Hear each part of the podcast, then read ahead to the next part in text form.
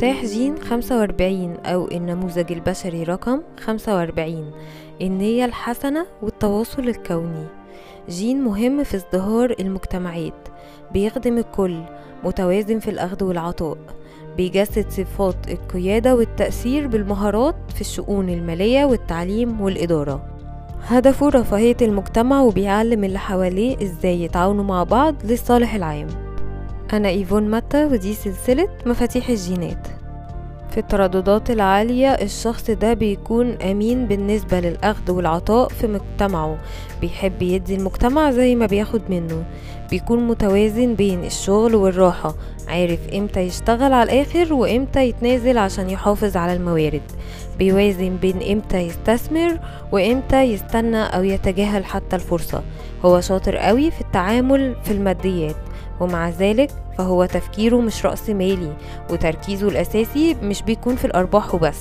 ما عندوش أجندات شخصية ولا بيفكر في المنافسة ولكنه تفكيره اشتراكي ومهتم بالتعاون والشراكة في كل خطوة أو قرار بياخده.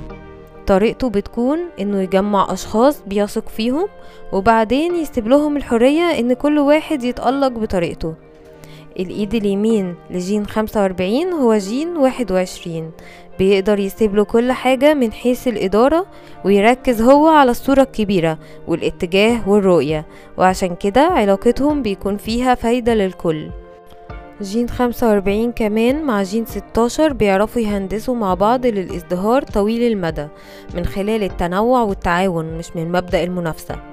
جين 45 بيشترك مع جين 44 من حيث العمل الجماعي والتزامن والتعاون.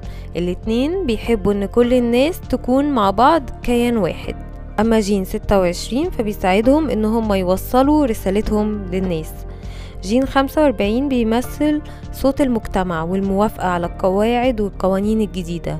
بنتعلم منه إننا نفكر في القواعد اللي بتحكم حياتنا وإزاي إننا نكون أكتر أمانة ونزاهة واتساق مع القيم العليا.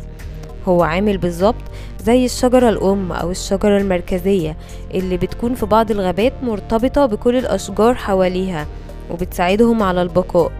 هو محور مركزي كل الناس بتنجذب له وبيشارك الموارد بتاعته بحرية لصالح المجتمع بيعرف يتواصل مع مجتمعه كويس. وحسن النية والصالح العام هو الدافع دايما في الترددات العالية.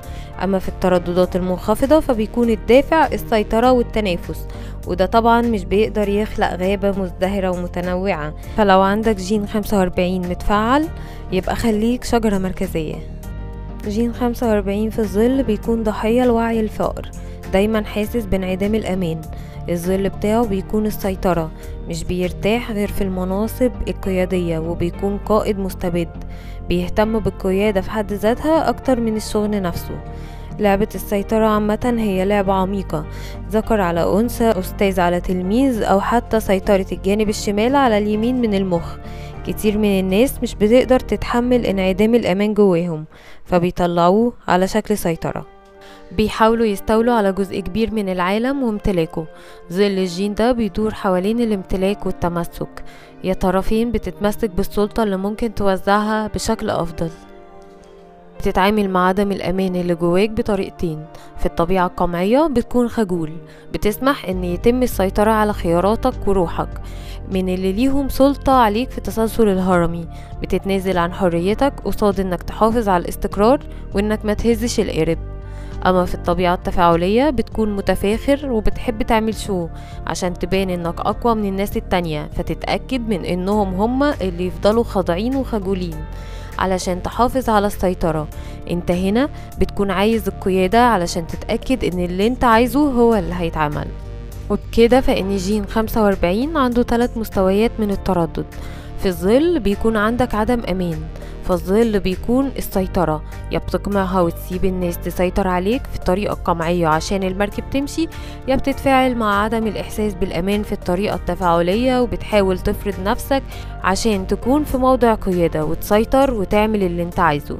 ولكن في الآخر أي نظام انت بتحاول تبنيه على أساس الخوف بينهار. أما لما بتعلي تردداتك وبتحتضن إحساسك بعدم الأمان بتوصل للهدية وهي التآزر أو التعاون.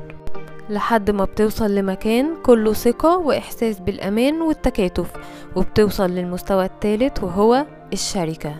اكتب لي في ال comments تجربتك مع السيطرة وإلى اللقاء مع جين 46 لو عجبك الفيديو أعمل like واشترك في القناة وفعل الجرس عشان توصلك كل الحلقات.